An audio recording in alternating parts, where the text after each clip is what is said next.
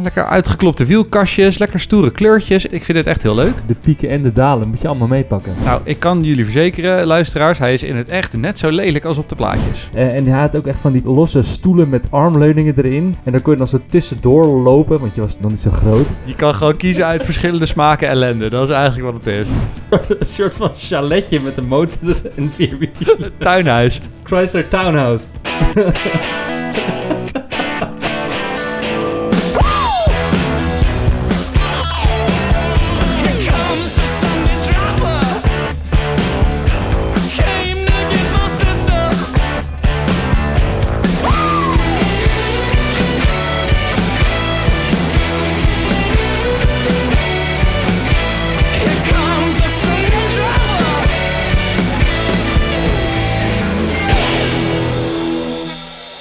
Beste luisteraars, hartelijk welkom bij een nieuwe aflevering van de Zondagsrijders podcast.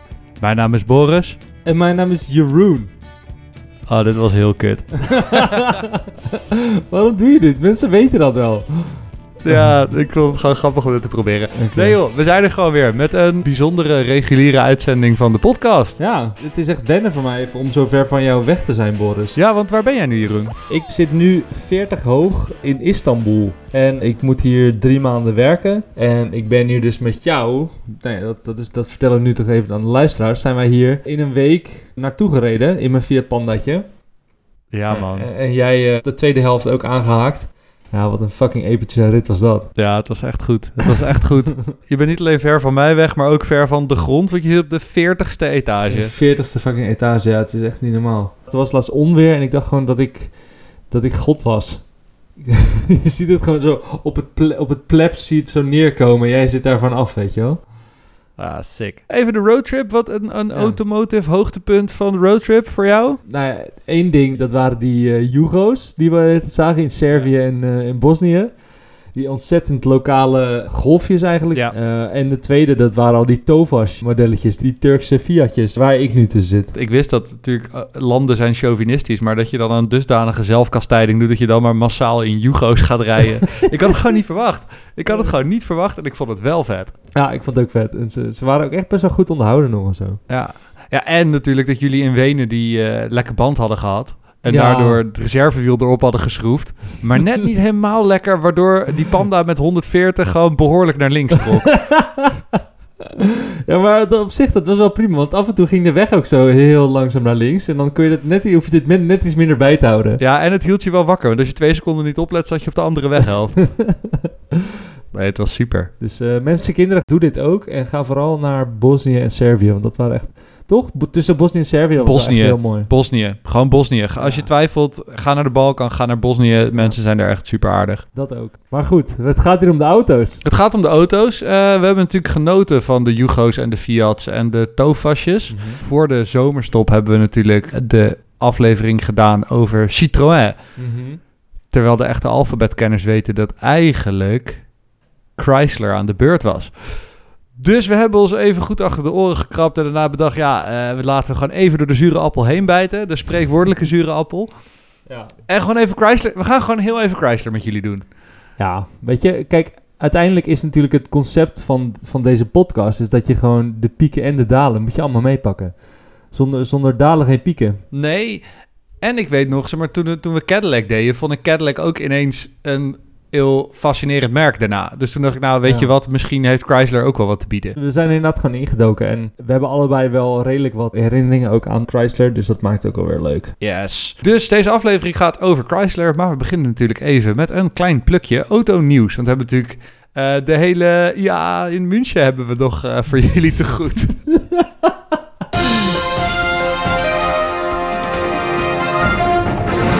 Boris, ja, zal ik iets zeggen? Nou, Ik heb helemaal niks van die ja. nee, ik ook niet. nou, kijk gewoon even op autoweek.nl, daar Ja. staat alles, allemaal leuke video's over de IA. Ja. prima joh. Nee, kijk, eh, Wat heb jij dan, eh, Jeroen? Nou ja, ik vond het wel mooi, want wij worden zelfs een beetje gek van onszelf dat we zoveel elektronieuws hebben. Nee, ik word voornamelijk gek van jou. Oké. Jij hebt altijd elektronieuws. Nou, daar ben ik me dus ook al bewust dat ik, dat ik heel veel elektronieuws heb. En toen zag ik dit artikeltje voorbij komen op Top Gear. En toen dacht ik, yes, dit is gewoon even de, de allergrootste tegenhanger van al mijn elektronieuws. Namelijk, Oeh. ze hadden een lijstje gemaakt met de onzuinigste auto's van dit moment. Oh, vet. Ja, ja, ja. Ik, vind dat, ik hou ook altijd heel erg van dat soort lijstjes.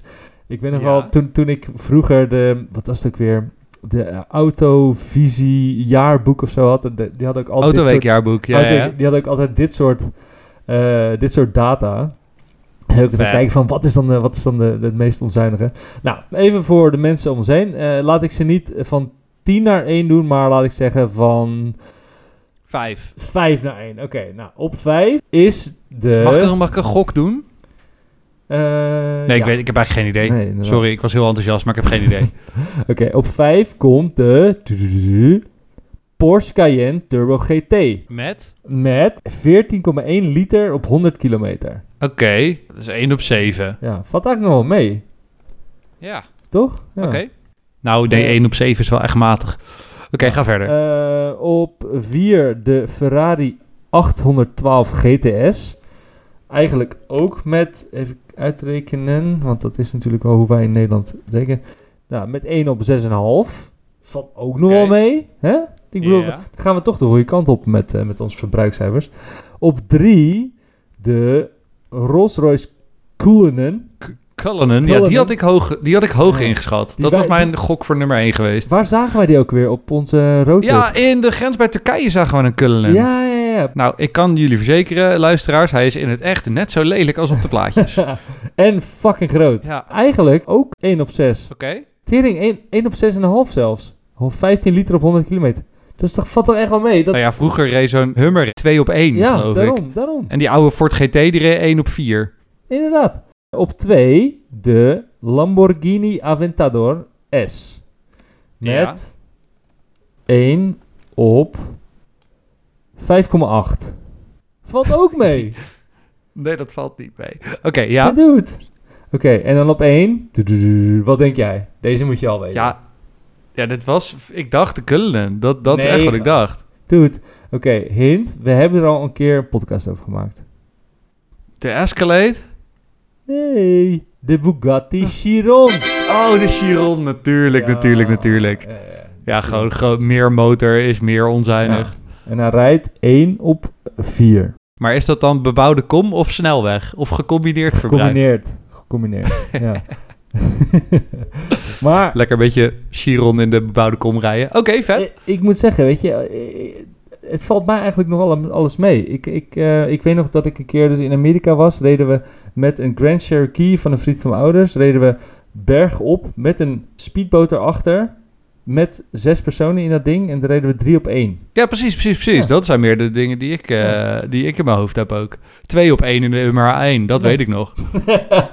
dat rijmt. Ja, dat was mijn, eh, dat was mijn eh, geen nieuws, maar nieuw. Oké, en wat kunnen we hiervan leren? Nou ja, dat eigenlijk dus zelfs de hypercars toch wel zuiniger worden. Ja. Nou, en dat is goed voor het milieu. Dat is goed voor me. Save the planet, drive a Chiron. Ik had ook een leuke, vond ik zelf. Ik denk dat jij hier ook wel blij mee gaat zijn. Ik had eerder die Hyundai Stara, weet je nog? Die gekke, gekke eh, bestelbus. En nu heeft de Hyundai een soort heel schattig klein SUV'tje eh, uitgebracht. De Hyundai Casper, hij heet zelfs cute. Ehm, oh. En hij is dus net zo groot als de i10. Dan denk ik, haal dan meteen de i10 van de weg en zet dit daar neer. Dit is toch 20 Ja. keer leuker dan de i10. Ja, dat is echt heel leuk. Het is een soort Pokémon. Hoe heet ook weer die? Een soort Snorlax. Oké, hij heeft de voorkant van een Snorlax. Ik, dit zal ik even op moeten zoeken. Maar wat ik er vooral leuk aan vond, hij is dus heel klein van binnen. Maar je kan dus, het interieur is super flexibel. Dus je kan alle stoelen kan je verschuiven. Net als vroeger in de Twingo. En je kan ook alle stoelen platleggen. En dan kan je er in theorie met twee personen in slapen. Ja, waarschijnlijk niet twee personen van jouw formaat. Maar hij is van binnen dus super flexibel gebouwd. En dan denk ik, ja, als hij net zo groot is als de i10. Hij heeft een beetje een retro uiterlijk. Het doet me een beetje denken aan die nieuwe Ignis.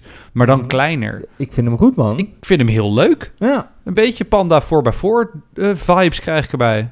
ja, alleen dan moet hij wel ook wel 4x4 zijn. Ja, dat weet ik niet of hij dat is. Denk het niet Nee, eigenlijk. nee, da- dan rot dat maar op. lekker uitgeklopte wielkastjes, lekker stoere kleurtjes. Ik, ben, ik doe mij meer van dit. Ik vind het echt heel leuk. Eindelijk een alternatief voor de Panda 4x4. Als het een 4x4 wordt. Dit is Toch? geen 4x4. Ja, maar als het wordt. Als het zo zou worden. Nee, maar dat is het niet. kan het, he- Nee, ja, sorry Jeroen.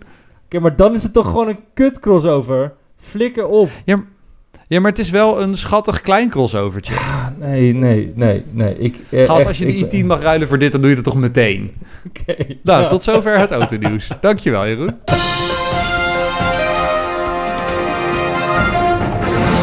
Over tot de orde van de dag, toch? Ja, zeker. Ons aller Chrysler. Wat kan jij mij vertellen over Chrysler, Jeroen? Nou, ja, Chrysler heeft maar heel weinig mm, modelletjes waar ik echt een, iets mee heb. Waar ik überhaupt een herinnering aan heb. Maar er is wel eentje, namelijk de aloude, we gaan hem later nog wel be- echt eh, bespreken, Voyager. Weet je wel, die Ja. eerste Voyager van begin jaren 90. Dat, dat eigenlijk... de- Het begin jaren 90, Ja, begin jaren 80. Is het zo? Ja, Ja, joh. ja, maar 83. Ja, maar goed, de, eh, dude, toen leefden wij nog niet. Nee, oké. dus mijn herinnering is van begin jaren 90. En dat, Ja. ik weet nog zo goed, maar onze overburen hadden hem. Rutger, dat is mijn buurjongetje en nog steeds goede vriend. Zijn moeder had er een. Eh, en die had ook echt van die chillen, van die losse stoelen met armleuningen erin. En daar kon je dan zo tussen, tussendoor lopen, want je was tegen, toen de tijd nog niet zo groot. Ja, het was gewoon Nee. echt, een, echt een gezellige auto, weet je. Als ik een gezellige familieauto zou moeten noemen, dan is het echt een, zo'n beginnende Chrysler Voyager. Ja, zo'n vierkante bak ook echt nog, ja, hè? man. Ja, zo'n zo'n super herkenbare grill ook. Het was echt de oermoeder aller MPV's. Ja, de moeder aller minivans. Ja. Dat, dat, nee, dat ben ik met je eens. Mijn oom en tante, die hadden een Voyager, ook zo'n oude. En ik weet gewoon nog hoe dat ding rook. Ja. Ja, ja, ja, van dat stof. Een grijze stoffen bekleding. De beige had deze, beige met bruine streepjes. Ja, schitterend. Ja, ja. Eh, en gewoon, ja, hij rook een beetje muf, maar inderdaad wel gezellig. En die, die stoelen die je dan inderdaad kon omkeren. Dus Mm. dat is inderdaad ook mijn herinnering aan het... Dan, dan ook die, die oude, eh, eh, hoe heet het ook weer? Eh, fuck. Sky Radio aan. De tijd dat Oh, Sky, dat Ra- weet ik dat, dat Sky Radio nog eh, Tina Turner en Eros Ramazzotti was. Sono umane situazioni. Nee, dit weet ik echt niet meer. Dit weet ik gewoon echt niet meer. Nee, goed. Ja, mooi man. Mooi spul. Ja, En dan, eh, als je het dan hebt over modelletjes waar ik herinnering aan heb. Ja, een tante van mij die had natuurlijk zo'n PT Cruiser. En de PT Cruiser staat echt symbool voor mij voor eh, ja, het fucking retro-tijdperk van Amerikanen. Ja. En, en, en wat, wat had je dan meer, joh? Ja, toen destijds de PT Cruiser. Dat was dan dus inderdaad een beetje een retro-Amerikaans ja je had de eh, PT. Cruiser, de Mini, de Beetle. Ja, De 500 kwam iets later. ja. Wat had je dan meer? Het valt wel mee, het valt wel mee. Maar ik schaar de PT Cruiser wel in hetzelfde rijtje met de Mini en de Beetle. Nou, misschien is het meer zo dat die Amerikaanse merken gingen toen heel erg op de retro-tour. Weet je wel, we Ja. hadden toen over die... eh, die, die De eh, Chevys. ja, die, dat Chevy... Niet, weet heet dat ding ook weer? De, Die- de SSR en de HHR. Ja, ja, ja, ja, ja. Dat, die gingen toen die waren allemaal... ook echt belachelijk. Ja, die hadden allemaal een vorm gevonden om die, die beetje jaren 50... eh, eh, ja, hoe heet dat? Streamline look over te nemen in, eh, in 2000 modelletje. Ja, eigenlijk gewoon fucking kitsch.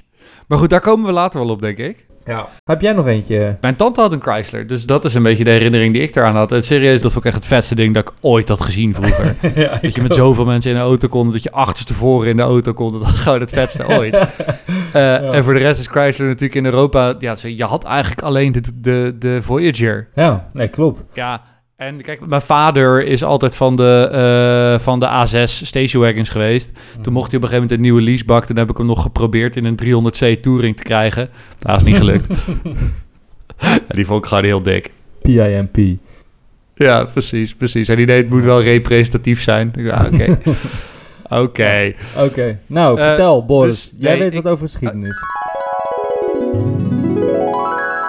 Ik weet zeker wat over het geschiedenis van Chrysler. De geschiedenis van Chrysler. Ik moet wel er van tevoren bij zeggen... dit is qua mergers en acquisitions... denk ik de meest complexe die we nu gehad hebben. En ik heb echt geen tijd om Nee. alles hier te bespreken. Nee, het is nee, gewoon niet te doen. Laten we beginnen bij het begin. Chrysler is opgericht in 1911 door meneer Walter Chrysler. Nou, titelverklaring meteen bam in beeld, dus dat is makkelijk. Walter Chrysler was treinmonteur. Dat heeft hij eigenlijk zijn hele leven gedaan totdat hij begon bij Buick. Daar werd hij aangenomen. Toen ter tijd was Buick onderdeel van, eh, van General Motors en die zochten iemand om hun eh, processen te streamlinen. Nou, dat heeft hij gedaan. Een van de dingen die hij heeft gedaan was zeggen tegen zijn medemonteurs: hey joh, zullen we eens stoppen met evenveel aandacht besteden aan de looks van het onderstel als van de carrosserie? Dus heeft gezegd: jongens, alles wat je niet kan zien, boeien. Maak maar gewoon lelijk. Hoe de hell cares? Nou, dat, dat, eh, dat heeft ze geen windeieren gelegd. Dus het ging toen best wel goed eh, bij Buick. Alleen toen kwam William Durant weer terug. Ik weet niet, die ken je waarschijnlijk nog wel uit de Chevrolet-aflevering. Die nam General Motors weer over van de bankiers die het van hem hadden soort van gejat. En het probleem was toen dat meneer Chrysler, die was een vriendje van de bankiers.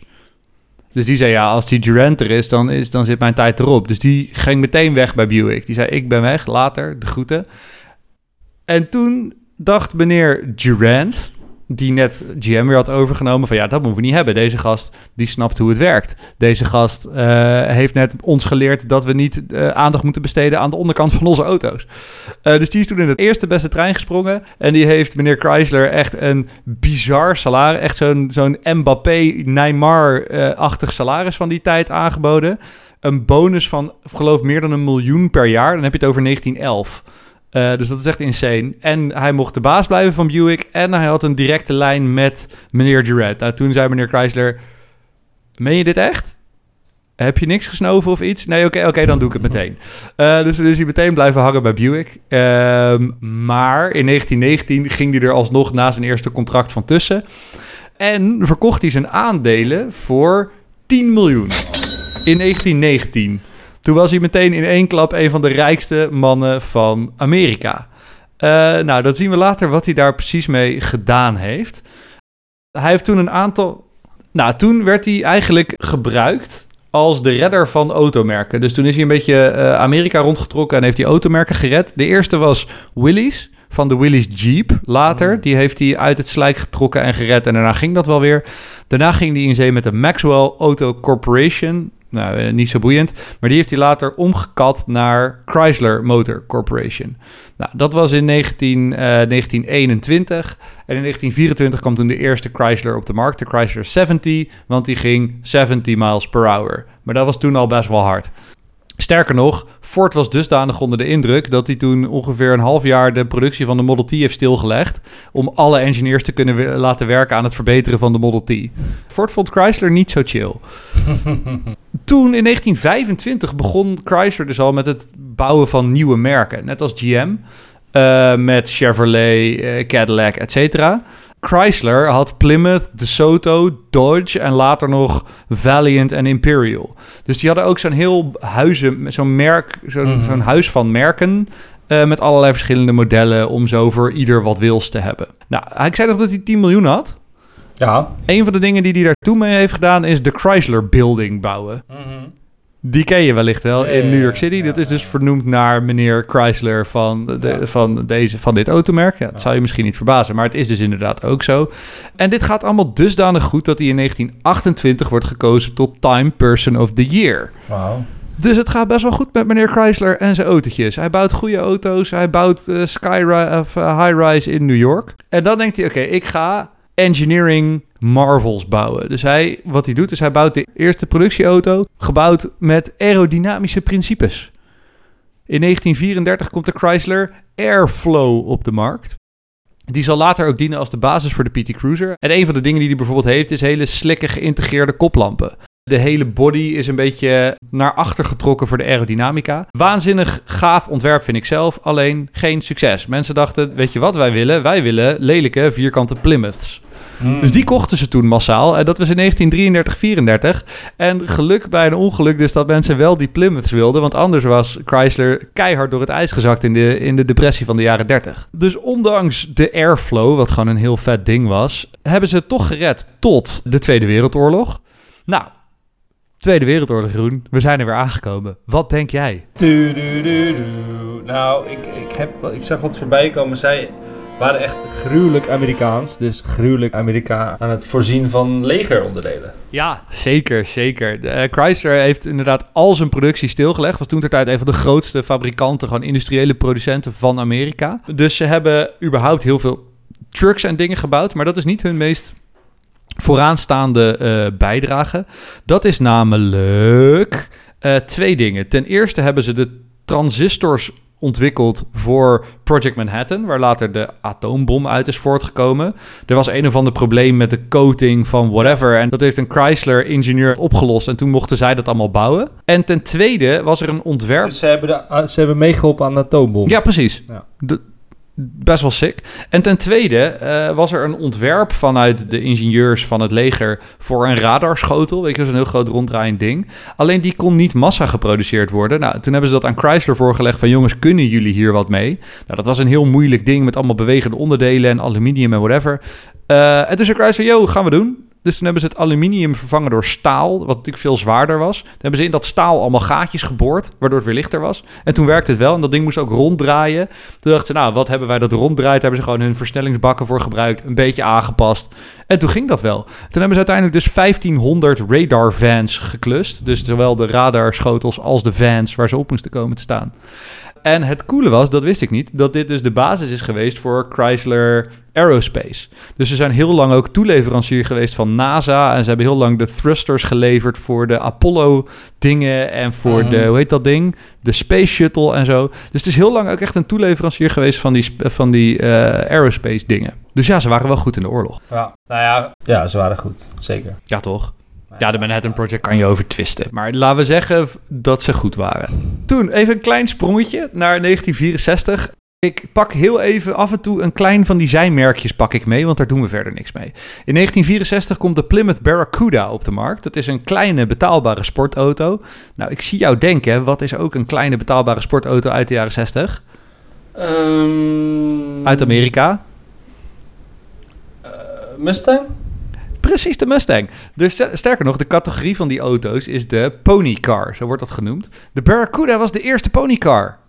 Dat was de eerste kleine betaalbare sportauto. Die kwam namelijk twee weken eerder uit dan de Ford Mustang.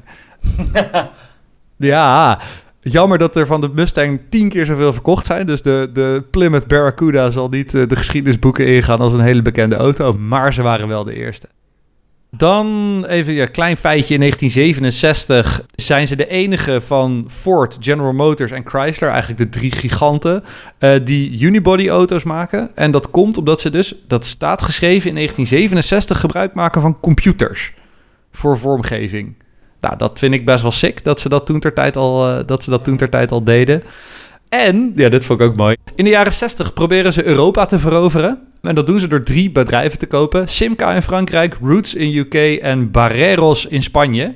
En die verkopen ze allemaal tien jaar later weer aan Peugeot. Ja, Dus dat was geen, dat was geen succes.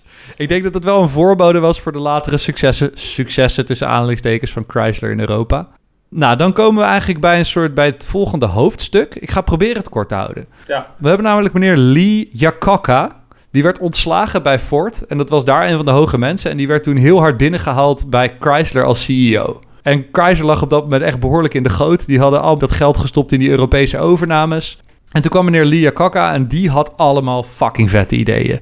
Ze hadden geluk. Het eerste wat die Iacocca deed was de Europese takken afstoten. Maar die hadden net een Chrysler Horizon ontwikkeld, een klein autootje. En die deed gelukkig net heel goed. Dus ze hadden net even wat ademruimte, want ze hadden daarvoor alleen maar kutauto's gemaakt en ze waren bijna failliet. Dat bleek ook uit het feit dat ze anderhalf miljard hebben geleend van de Amerikaanse overheid in 1979 even anderhalf miljard opgehaald. En de regering moest wel mee, want bij wijze van spreken, iedereen werkte voor Chrysler. Dus ze konden dat niet niet doen. Toen, en nu wordt het echt vet, die Iacocca heeft dus allemaal ontwerpen die hij in zijn hoofd had, waar Ford niks mee wilde, heeft hij meegenomen naar Chrysler. Eén van die dingen is de Ford, eh, of de Chrysler Voyager. Oh. Nou, schot in de fucking roos. Ja, die wilde die eigenlijk bij Ford maken. Sterker nog, Ford had al een prototype ontwikkeld van de Voyager. Die heeft hij toen daar eh, voor Chrysler gemaakt. Nou, dat was een schot in de roos. En hij wilde voor Ford ook een paar kleinere auto's bouwen. Dat waren de K-series. Ja, dat waren wat Plymouths en wat... eh, ik heb daar allemaal de namen niet van. Maar dat waren in... Moet je beginnen, moet je je voorstellen. Begin jaren 80. Kleinere, lichtere auto's. Waarvan Ford zei, nee, daar hebben we geen Ja. zin in. Maar ja, Oliecrisis, Hmm. boeia. Toen had Chrysler ineens kleine lichte auto's. Nou, het ging ze allemaal sick voor de wind. En dus de Voyager erbij, minivans geïntroduceerd. 25 Ja. jaar aanvoerder van de verkooplijsten. Maar wa- even één ding. Ik, ik, ik snap niet helemaal waarom die Voyager zo'n succes is in de oliecrisis. Want die dingen die werden er vanaf 2,5 liter V6. eh, dat was de basismotor. Hoe de fuck... Gas 2,5 liter V6 was klein, was klein in die tijd, hè? in Amerika. Was praktisch. Ja. Ja, grote gezinnen. eh, ik, nou ja, het was gewoon een, een- Ik snap het wel. Groot, praktisch, lekker dingen vervoeren, ruim. Eh, De V6 is geen V8. Ja. Ik snap het wel. Ehm, ik had het toch over dat hij eerder Willys had gered. Mhm. In 1987 koopt Chrysler AMC, want die heeft Jeep in het portfolio. Dus toen, eh, toen was het kindje weer terug bij papa. En dit vond ik zo vet. Ik denk niet dat jij dit wist. Mhm. Ehm, in 1987 kocht Chrysler namelijk ook ja, Lamborghini. dude, het zijn allemaal weetjes die ik gewoon voor mijn neus weg zie smelten. Oké, dan, mag, oké, dan mag jij nu vertellen over Lamborghini. Nou ja, eh, het enige wat ik erover kan vertellen is... Inderdaad, zij hebben Lamborghini gekocht van de gebroeders Mimran. Dat waren Zwitserse ondernemers die rijk waren geworden uit de suikerproductie en, en banken en, en beleggen. As you do. As you do. In 1987 kocht ze inderdaad Chrysler voor een bedrag van 25 miljoen dollar. Echt fuck- Dude, dat zijn 10 Peanuts. eh 10 Countach. Ja. Lamborghini had toen 300 werknemers ook. Echt bij- bijna niks. Nou, ze investeerden toen wel meteen al 50 miljoen in het bedrijf. En Lamborghini had toen eigenlijk maar drie modellen die ze verkochten. Dat was de Countach. En die bestond toen al Mhm. destijds al 25 jaar. 25 jaar? Ja. Holy Eh, shit. De, de Jalpa, die ik eigenlijk niet eens kende als ik eerlijk moet zijn. Eh, ik heb hem opgezocht en het is eigenlijk een soort kleine, dat noemen ze de Baby Bull. Een soort kleine Countach was dat, met een, met een eh, middenmotor V8. En de LM002. De LM002. oer-fucking terreinwagen. Ja, dude, dit gaan we, dit gaan we bewaren Ja, totdat we bij Lamborghini zijn. Eh, wa- nog fun fact daarbij. Voor het prototype van die LM002 gebruikten ze ook nog een 5,9 liter eh, eh, Chrysler V8. Oh, maar dat was, vet. Ja, maar dat was volgens mij puur toeval. Nou goed, en wat, wat wel mooi is, ze kochten dus Lamborghini en ze hebben in die tijd dat Chrysler het als eigendom had, is dus ook de Diablo ontworpen. Precies. En die Diablo die is ontworpen door Gandini van de Countach samen met de uiteindelijk ontwerper van de Dodge Viper. Precies, ja, deze had ik ook klaarstaan. Ja. Dit vond Ja, ik zo ja. vet. Want stiekem, die Diablo is dus eigenlijk een soort muscle car. Er zitten gewoon Amerikaanse invloeden in die Diablo. Ja, ja, ja. ja. En dat, dat, dat zie ik nu, zeg maar, ik herken het nu ook wel. Ja, ik heb, ik heb een keer zo'n filmpje zitten kijken van, van die Gandini, want die, die, die leeft nog, die is iets van 100. Mhm. En die vertelt dan over het ontwerp van de Countach en dan het ontwerp, ontwerp van de Diablo. En die zegt ook, ja eigenlijk vind ik hem niet mooi, want hij is niet scherp genoeg. Hij is te rond, weet je wel, Amerikaans rond. En dat, dat, als Ja. je goed kijkt, dan zie je dat ook wel. Hij is minder extreem, maar daardoor dus ook wel mega succesvol geweest voor, eh, voor Lamborghini. Nou, uiteindelijk in 1994 verkoopt Chrysler Lamborghini dan wel. Ook volgens mij omdat uiteindelijk die verkopen maar heel kort pieken. En ik weet niet precies wat de reden is dat ze het Ja. verkopen. Maar het is eigenlijk best wel een... eh, In het artikel wat ik heb gelezen noemen ze het een beetje een, een, een high-end call girl Lamborghini. Lamborghini dan. Hè? Want die, hebben, die zijn ook weer eigendom geweest van zo fucking veel andere partijen en merken. En, en Want daar komen we. Daar ko- Lamborghini komen we. Mag ik heel even terug naar Chrysler? Ik heb nog een klein feitje. Oh. Namelijk, eh, eh, voordat ze de Diablo maakten... de eerste conceptcar die ze uitbrachten voor Lamborghini... was de Lamborghini Portofino. Als je even naar mij toe komt in de Miro... kan je even meekijken, want dit is het kijken Oh wel ja. echt waard. Ja, ja, ja. ja. ja. Ze hebben namelijk de Portofino gemaakt. Dat was een soort hele gelikte sedan. Een heel Oh. gek ding. Met dubbele vleugeldeuren. Dus zo, zeg maar, de, de voordeuren klapten naar voren en de achterdeuren klapten naar achter open. Het was een totaal bizar ding. Mhm. Eh, heel slik vormgegeven. Het leek echt in niks op een Lamborghini. De mensen bij Lamborghini noemden het de Big Potato. ja. Ja, ik snap het ook wel. Maar wat ik dus, ja, wat ik dus stiekem heel cool vind, ik, ik kende deze niet, maar toen ik hem zag, ik herkende hem meteen als die fucking lelijke, soort van half gesmolten Chrysler sedans Ja. die in de jaren 90 zijn gekomen. Dus de Sebring en de 300M en zo. Ja. Die hebben allemaal diezelfde vormtaal als die Ja. Portofino, Lamborghini Portofino uit 1989. Nou, het is een Lamborghini eh, Chrysler Portofino. Want kijk maar naar het, het logootje op de voorkant. Dat is zo'n sterretje van eh, Chrysler. Dus ik Ja, maar op het waarom. stuur staat een logo van het sterretje van Chrysler met daarin het, eh, eh, de boel van Lamborghini. Ja, het, is, het is heel ellendig. Jezus. Het is wel toch wel goed om te zien, leuk om te zien dat sommige merken er zo'n ontzettend fout verleden hebben gehad. Als het gaat om Ja. styling en, Maar, en looks. dude, maar dit, Ja. dit ontwerp van deze super obscure conceptcar heeft gewoon daarna 25 jaar de tand Ja. destijds overleefd. Dat vond ik zo bizar. Ja. Want ik vond die nieuwe, of die relatief die jaren 90 Chrysler sedans, vond ik dus allemaal echt heel lelijk. Mhm. Maar ik ben wel heel blij dat ik nu weet waar dat vandaan komt. Ja. De oorsprong van al die ellende hebben we nu gevonden. Ja, Ja, dat vond ik cool. Oké, dus Chrysler Lamborghini, één lelijke conceptcar en de Diablo. Dat gaat, ja, dat gaat dan eigenlijk een tijdje goed en dan een tijdje slecht en dan bla bla bla wat overname. Ze maken even een sprongetje naar 1998.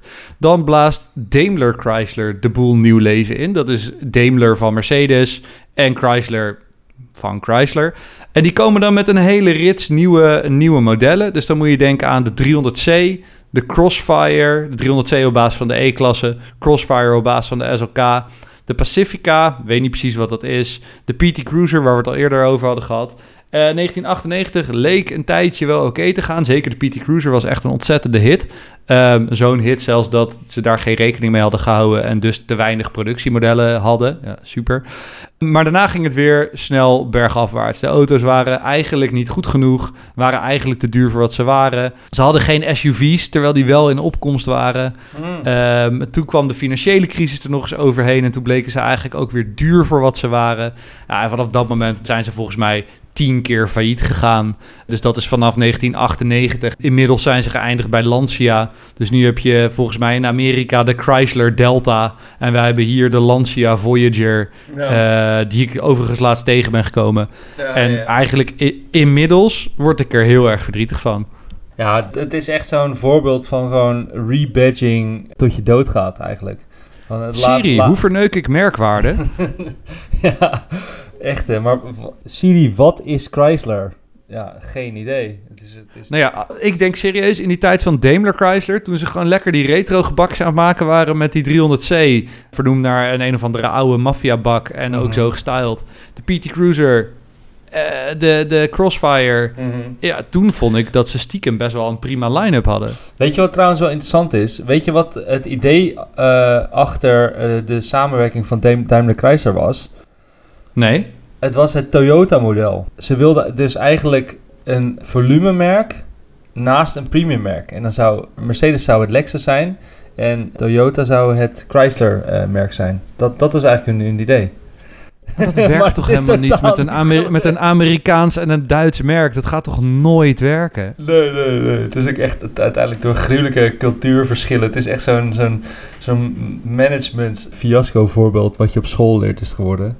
Ehm, Maar goed, op zich nu met Chrysler en Fiat vind ik het nog wel redelijk te doen. En het is natuurlijk geen Fiat Chrysler, het is nu Stellantis met eh, Opel en eh, wat is het? Wat zit er allemaal bij? Peugeot, Fiat, Chrysler, Jeep, Alfa. Mhm.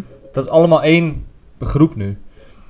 Ja, dan moeten we nog maar Ja. zien wat dat gaat worden, want dat is pas twee jaar geleden gebeurd. Ja, en dat biedt wel perspectief. Ja, zeker. Toch? Ja, ja, kijk. Uiteindelijk denk ik de toekomst van auto's, dat zijn kleine elektrische autootjes. Dat is de toekomst en eh, volgens mij kunnen ze dat wel. Ja, met zo'n grote groep wel. Maar ja, wat is dan de rol van Chrysler daarin, is dan mijn vraag. Nou ja, die verkoopt ze dan gewoon in Amerika. Nou, laten we eh, modelletjes bespreken. ja. Ja, zullen we dat eens even doen? Ehm, het zijn er niet zoveel, hè, waar we het over kunnen hebben. Nee. Maar maakt het niet uit. Ik bedoel, we, we doen het met wat we, wat we krijgen. Oké, jij mag beginnen. Ik vind dus die Chrysler Pacifica toch wel heel vet. Chrysler Pacifica, wat is het? Ik zou zeggen, het is een Amerikaanse Opel Savira. Want het is een zevenpersoonsbak. eh, Ja. MPV, maar dan dikker. Gewoon, het is eigenlijk een uit de kluiten gewassen stationwagon. En hij lijkt een beetje op de Mercedes-Benz R-klasse. Ja, ik zou zeggen, het is een soort kruising tussen een Grand Cherokee en een Voyager, maar dan kleiner of zo. Want hij werd dus ook niet in Nederland geleverd, maar hij werd af en toe wel eens geïmporteerd. En ik weet altijd, als ik er eentje langs zag rijden, dacht ik... Vet, wat een dikke bak. Ja. ja, maar dit, dude, ja, dit, dit, dit had je al eerder aan mij verteld. En ik had dus precies hetzelfde. Ja. Ik, ik woon heel dicht bij de Holland Auto Import. Daar houden ze wel Ja. van, eh eh, het is een hele grote dealer. Daar houden ze wel van Amerikanen. Daar stond er altijd een als ik daar langs fietste op weg naar school. Mhm. En ik, heb al, ik wist nooit wat het was. Wat natuurlijk voor, de, voor, een, voor een 15 jaar geboren is heel irritant Mhm, is. mhm. Ehm, en toen bleek dat dus een Chrysler Pacifica te zijn. En ik vond hem dus ook heel cool. Ja, maar wat maakt het nou? Het is, het, is een, het is een grote auto, maar geen busje. Zoiets is denk ik. Ja, maar ook...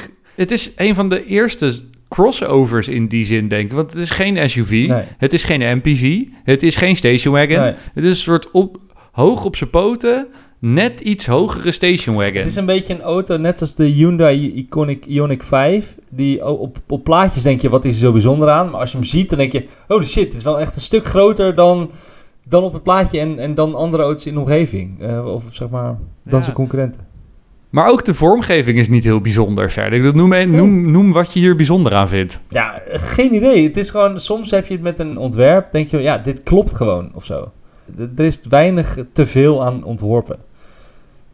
Ja, Af, klopt. het is gewoon af. Ja, ja. Wel grappig Het- dat het we het goed. allebei hebben bij dat modelletje. Ja, ik kan me voorstellen dat de luisteraar hier bijzonder weinig aan heeft. We gaan hem op Instagram zetten. Zondagsrijders podcast. Ehm, Hopelijk komt u er een keer een tegen. Eh, de Chrysler Pacifica. Wij, vind- wij vinden hem cool. Ja. Nou ja, dan hebben we... Ja, we hebben eigenlijk alleen maar een beetje van die moderne Chryslers. Hè? Want die oude, ja, dat is allemaal ellendig en Amerikaans niet heel boeiend. De Crossfire. ja. Nou ja, kijk, Oké. Crossfire vind ik ook heel vet. En weet je waar... eh, De Crossfire is een mooi klein coupeetje.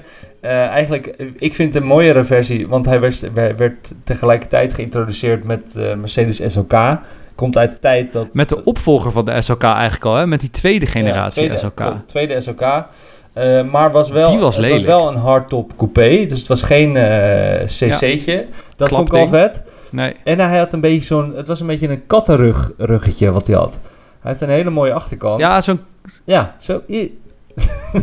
Ja. en, en daardoor deed hij mezelf een beetje, zelfs bijna af en toe denken aan een BMW Z3M. Gewoon, Ja, nee, dat is meer zo'n clownschoen. ja, oké, nou, misschien is het wel heel ver gezocht, maar eh het zijn mijn gedachten, hè? Laat mij mijn gedachten hebben. Ja, oké, dat mag. Dat is oké, maar dat gewoon zo'n, zo'n, ja, echt zo'n, zo'n klassiek coupeetje is het. En ik vind hem echt ook weer heel goed gelukt en tijdloos en eh, ehm, hebben. Wat vind jij ervan? Ja, ik vond hem vroeger ook altijd wel cool. Mhm. Maar tegenwoordig, eh, als ik er naar kijk, denk ik... Ik vind hem een beetje kitsch.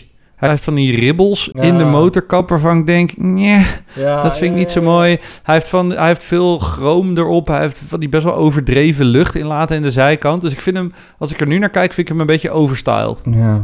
Doe mij maar een SLK. Maar ja, de, de, de, Nee. de Chryslers van de, van de begin jaren 2000 overstyled noemen ze natuurlijk ook een beetje Ja. een schot voor open doel. Ja, dus eh, dat. Dus eh, dat, oké. Wat willen we nog meer bespreken? De 300C, Nou, we hebben gast. Ja, de 300C. Ja. Oh, hele vette bak. Ehm, voor, wat ik vooral heel vet aan vind... Oké, voor de luisteraars die het niet kennen... Denk ehm, een beetje een, een, een, reïncarnatie van een, eh, een, een, dikke maffia-Amerikaanse bak. Maar dan dus wel met het onderstel van een... eh, of in ieder geval eh, deelt veel onderdelen met een Mercedes E-klasse. Dus een dikke premium Duitser. Wat ik vooral heel vet aan vind... Dat zijn die kleine zijruitjes. Zijramen. Ja, kijk, dat, dat leren we, tenminste dat leren we, dat krijgen we wel een beetje mee als je van auto's ontwerpen houdt. Wat bepalend is voor het profiel van een auto, is zeg maar als je er van de zijkant naar kijkt, de verhouding tussen eh, hoe hoog is de deur, dus zeg maar waar begint het raam, en hoe hoog is het dak. En bijvoorbeeld bij de Fiat Multipla, dat is waarom die zo raar eruit ziet. Die heeft relatief lage deuren en dan heel veel raam. Heel veel glas. Ja. En daarom is deze 300C zo cool. Want die deuren die, die zijn, die zijn super hoog. En dan zijn de raampjes maar heel klein. Ja. Dus daardoor krijgt hij meteen een soort super, super stoere uitstraling. Ja. En bij dit ding, ja, ik heb, het, ik heb het geprobeerd op te zoeken, maar ik snapte gewoon niet echt wat het was. Hij heeft een Hemi, een Hemi V8 zit erin met weet ik veel hoeveel 100 pk. Ja, dat was natuurlijk gewoon, ik, dat was gewoon bruut. Ik weet niet wat het, ik weet niet precies waarom een Hemi V8 nou interessant is. Ik weet dat het staat, nee, maar het staat voor hemispherical bla bla bla. En dat betekent dat de cilinderkoppen he- ja, dus halve bollen waren. En dat had weer iets met zuigers. En toen, ja, toen ben ik echt afgehaakt. Ehm, misschien dat ik het later nog even opzoek. Maar dit, dit is wat het was. Eh, maar dat ding werd dus geleverd met een of andere monster van, een monster van een motor. Ehm, ja, ik vond hem cool. Ik heb mijn pa nog geprobeerd erin te krijgen. Dat is dus helaas niet gelukt. Ik vind de, de station versie is ook wel best wel vet van deze. Gast, ik vind de station misschien nog wel vetter. Maar dat is omdat ik van station wagons hou. Ja, maar die is ook wel echt, echt wel cool. Ik, zou, Ja. je, zou je hem nu nog kopen, tweedehand? Nou, dat gaan we, gaan we straks horen, maar... Zou, zou ik zou- hem tweedehands... Zou ik hem, zou ik hem kopen? Nee, ik moet zeggen, ik heb wel eens in een van mijn vele zoektochten eh, naar de opvolger van mijn A2... Heb, omdat, ik, hem- omdat ik hem gewoon zo vet vond, heb ik wel eens gekeken... Wat kost zo'n ding? Ja, dat, is, dat, is, dat kan wel, maar het is, ja, dan heb je een... een, een V8. je kan ze diesel? Nee, een diesel. Oh, Ja, een V6 diesel. Ja, daar moet je gewoon niet aan beginnen nu. man. Nee. Nee, die moet je, die, dan moet je de motor uithalen en dan gewoon als, als, als kunststuk in je huis zetten. Ja, dat zou best comfortabel zijn, denk ik. Ja. De PT Cruiser hadden we eigenlijk al een beetje behandeld, hè? Ja. Stel je zou met een vingerknip alle PT Cruisers van de wereld kunnen laten verdwijnen. ja, weet je welke ik dus wel heel grappig vind en ook heel lelijk, maar gewoon vooral heel grappig? De PT Cruiser Nou, Cabrio. ja, die vind ik geweldig. Die heeft zo'n soort van zo'n valbeugel tussen de voor- en achter, achterstoelen. Ja, Ja, net als de eerste Golf Cabrio. Ja. Die had dat ook. ja. Iemand heeft een keer gezegd dat hij er dan uitziet als zo'n picknickmand. Ja, ja, ja, dat, precies dat je hem zo kan oppakken. Ja. ja, dat, Ja, ik vind dat, ik vind dat een van de meer geslaagde, niet geslaagde cabrio's. Ja, oké. Ik denk dat mensen het heel moeilijk snappen. ik heb nog overwogen om een PT Cruiser Cabrio voor de kopiezoek te fixen. Ja. Oké, nou. eh, Heb ik uiteindelijk niet gedaan. oh. Oké, goed dan. Tipje van de sluier. Tipje Tipje, van de sluier. Nee, dat, dat heb ik niet gedaan. Maar als je het over de PT Cruiser hebt, wat ik zei, hè, dat hij dus van de Airstream, Airflow dinges was Ja. afgeleid. Ehm, ik heb hem even eronder geplakt, want dan kan je het een beetje zien. Ja. Ik moet zeggen, ik vind dat ze, dat ze best... Dat zei ik vorige week ook al, of de vorige aflevering bij die Countach... dat ik het gewoon tof vind als er op een geslaagde manier... ontwerpelementen worden overgenomen van een oude op een nieuwe auto. Nou, als ik naar die Airstream kijk en ik kijk naar de PT Cruiser... dan snap ik een beetje wat ze gedaan hebben. Met die wielkasten die zo doorlopen. Met die zijruitjes die een beetje zo die, die afgeronde, afgeronde vorm hebben. Met die grill die zo helemaal van onder tot helemaal boven doorloopt.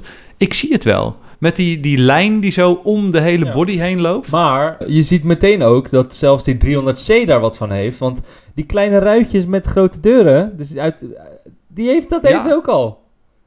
Ja, zeker. Ja. Misschien was hij wel gechopt. Dat was toen de tijd natuurlijk. eh, die hot rods, die werden ook allemaal gechopt. Ik zag dus laatst zag ik er nog eentje rijden in Pieter Koers. En ik vind het toch wel mooi dat mensen er gewoon in blij- in blijven rijden. Ja, het is een beetje als die eerste New Beatles en zo. Het is gewoon no shame. Ja. Het schijnen niet hele goede auto's te zijn geweest, maar ook niet heel slecht. Gewoon best wel een Chrysler van begin jaren 2000. Alleen ja, dan had hij zo'n retro uiterlijk. Ja. Ja, inmiddels vind ik ze ook wel weer... Vooral deze die hier staat, die heeft ook chrome velgen. Dat vind ik ook wel lekker, lekker period. Ja, dat is gewoon prima. Dat is ook wel echt Eh, fucking eh Chrysler trouwens, überhaupt, chrome velgen. Al die Ja. plaatjes bijna die we hebben, die hebben allemaal chrome velgen. Maar ik vind ze inmiddels wel een verrijking voor het straatbeeld, zo'n PT Cruiser. Als ja, ik eens ook. denk ik toch, nou, good for you. Keep them rolling, bitches. Ja, precies, precies. nou, dan heb ik, ik heb nog twee oude Chryslers ook. Ik dacht, nou, laat ik er toch maar een paar oude bij pakken. De eerste, daar zijn er echt maar heel weinig van. Op een gegeven moment dacht Chrysler, weet je wat we gaan doen? We gaan een, laten we eens iets anders proberen. Toen hebben ze een auto gebouwd met een turbinemotor. Wat is een turbinemotor? Ja, het is gewoon een, een jet engine, net als een vliegtuig. Handig. Het bleek dus niet per se. Ze hebben heel erg geprobeerd om dat naar het publiek te pushen. Ja, is niet gelukt. Een, be- een beetje, beetje à la Mazda met de wankelmotor. Met de wankelmotor. Ja, maar dit, hier, hier hebben ze er zo weinig van verkocht dat ze er ook meteen maar mee zijn gestopt. En ook gestopt zijn met zeggen dat ze er ooit mee zijn begonnen. Jay Leno heeft er dus eentje. En het vet is, hij maakt gewoon echt het geluid van een kleine straaljager. Dus ik kom zo... komt hij zo voorbij gezoefd. Ja, fucking hard, joh, hè. Ja. Ja, het is, een, het is een oude auto. Ik denk uit de jaren 70, 60 of zo. De koplampen zien er ook uit als een soort inlaten van... Van een turbine, ja. Van, stra- van een jet. Van straalmotoren. Ja. Ja, ja dit vond ik gewoon... Dit is heel cool. Hij kost nu 30 miljoen en ze zijn bijna allemaal kwijt. En die staan ergens in de verzameling. Nou, dus die wilde ik nog even benoemen. En we hebben, dat vind ik, dat hij een prijs verdient voor een, de vetste autonaam. De Chrysler Town and Country. Hmm. Ja, dat vind ik gewoon een lekkere naam. Volgens mij hebben ze eh, een paar Mhm. uitvoeringen van de latere Voyager ook nog zo genoemd. En ik Ja, vind dit ja. dus een van de vetste Woody's die ik ooit gezien heb. Wauw. Die is toch grandioos? Ja, vet. Eigenlijk, hey, Boris, ik heb een business idee. Je hebt een business idee. Ik denk dat we auto's die er nu bestaan moeten laten ombouwen tot Woody's. Want dat is veel duurzamer dan staal. Ja. En lichter. Je- Of we gaan gewoon nu weer Woody's bouwen. Gewoon nieuwe Woody's, ja. Met een elektromotor in en dan gewoon een houten omkapping. Ja, het is een soort- en Een beter. soort, een soort van chaletje met een motor en vier wielen. Een tuinhuis. ja, Chrysler Townhouse. tuinhuis. Ah, gast, deze is toch, deze is toch fucking hard. Ja, ik denk, het is, het is een soort oude station wagon. En ik denk dat driekwart van de carrosserie van hout is gemaakt.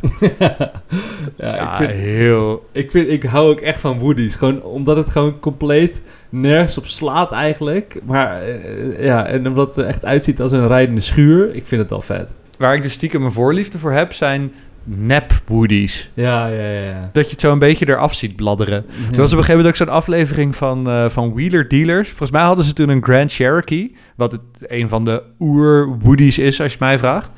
Eh, maar toen gingen ze dus naar een of andere... Niet, niet oer-Woody's. Bekendste. Maar wel eh, zo'n klassieke Woody. Ja. Maar toen gingen ze dus naar een of andere dude. En die was gespecialiseerd in het schilderen van hout. Dus zeg maar op plaat, plaatstaal gewoon schilderen. Dat het dan leek alsof het hout was. Maar daar was hij vet goed in, met de hand. Het zag er echt uit als echt hout. Toen dacht ik, ja, dit vind ik eigenlijk ook gewoon wel vet. met, met 3D-effect.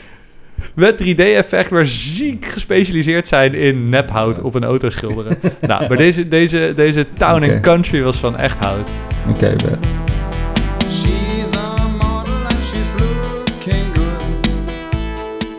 Boris, we moeten door naar mijn koopjes. Naar de Eh, koopzoek. nee, nee, naar mijn weetjes. Oh, de weetjes hebben we die gewoon overgeslagen. Ja, dude. Ja, we, zijn- we zijn er shit. helemaal, ja, we zijn er helemaal uit. Het is natuurlijk echt al zes ma- jaar geleden dat we... Ja, joh. Man, man, En- en- man. En ik had al een beetje verteld natuurlijk. Ja. Ehm. En jij had er al een eentje voor me weggesloept. Oké, nou Menno, doe even een terugspoel-effectje en dan gaan we nu naar de weetjes.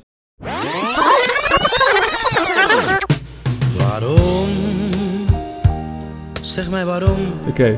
Eh, Boris, Ja. weet, je, weet jij waar PT Cruiser voor staat? Nee, ik weet wel dat het in eerste instantie een Plymouth had moeten zijn. En toen om mij onduidelijke redenen werd het een Chrysler. Maar dat, nee, dit, Ja. ik weet niet waar de PT voor staat. Je, krijgt, je krijgt één van de twee punten. Want PT staat voor Plymouth, Plymouth. Truck. Truck. Ja. Wauw. nou, dankjewel Jeroen. K- Weten we dat weer. Oh ja, oké. Oké, nu komt even een, een sidetrack. Dit, dit is echt een, een, een rabbit hole waar je u tegen zegt. Weet jij waar eh racestrepen vandaan komen? Want dit is even, ik zal je het rabbit hole benoemen. Namelijk, Dodge Viper wordt in Nederland verkocht als Chrysler Viper. Want hier wordt- werd Dodge niet verkocht. Ja, Eh, toen ter tijd. Maar goed, ik heb, Tegenwoordig ik, wel. ik heb het niet, eh, ik, ik heb hem niet genoemd, want ik vond het omslachtig. Maar goed, Ja. ik heb het wel wat ingelezen en die had natuurlijk die strepen. Mhm. Ik was wel benieuwd, waar komen die fucking strepen nou vandaan eigenlijk?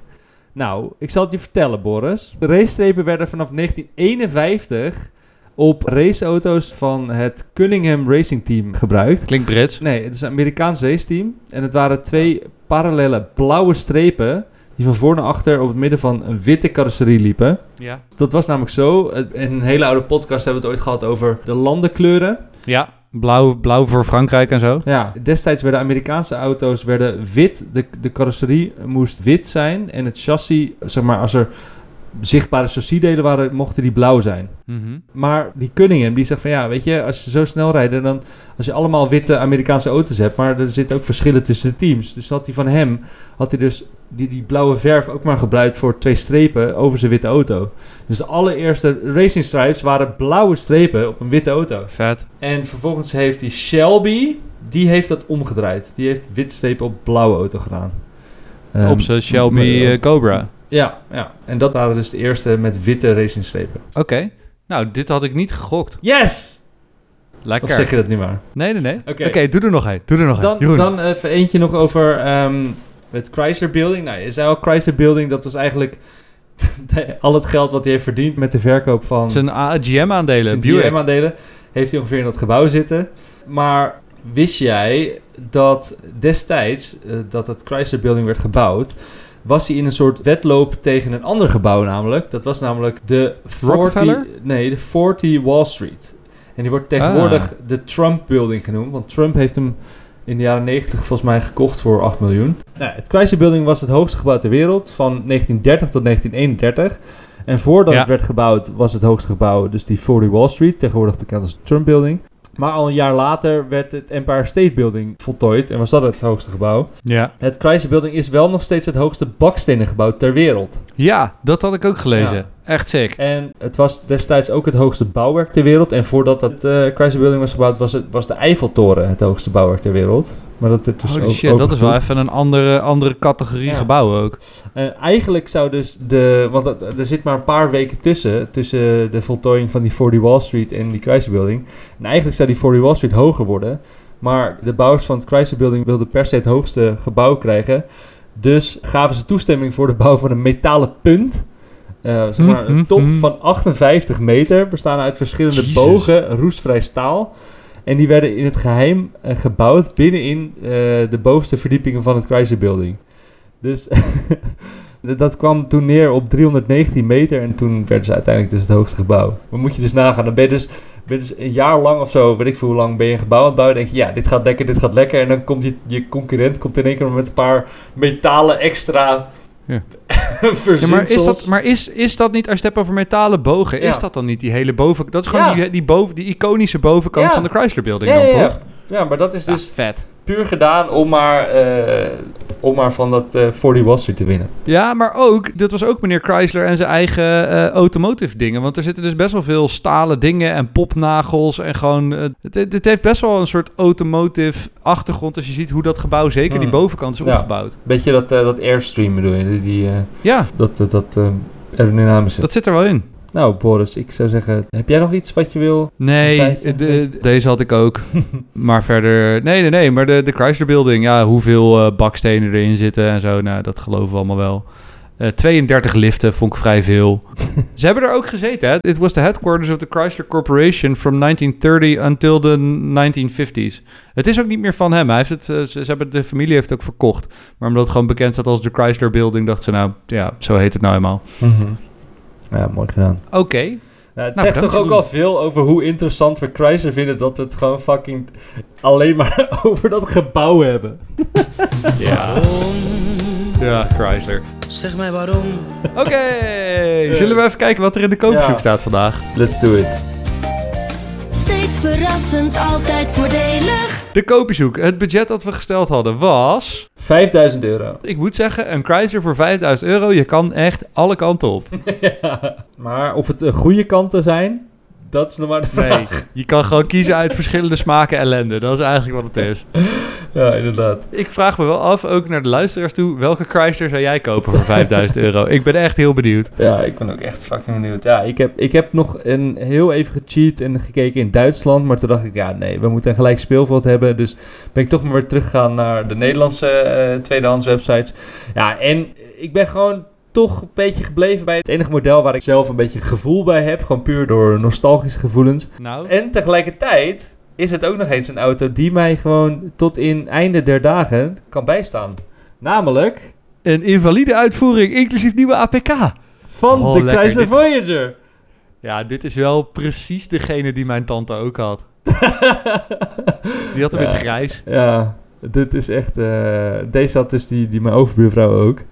Ehm, ja, en Vertel hij er heeft- en, over, Nou ja, la- ik, laat wat, wat wil je daarover weten? Hij is uit 1992. eh, bijna 2 ton op de teller. 2,5 Twee liter ton maar. 2,5 liter benzinetje. Mooi beige bekleding met lekker zachte, comfortabele stoelen. En rolstoellift achterin. Dus, nou ja, wat ik zeg, ik kan hem tot einde der tijden rijden. Het is ook wel mooi. Een 2,5 liter motor, 100 pk. Eh, Hij heeft vier cilinders ook maar. 0 tot 100, 16 seconden.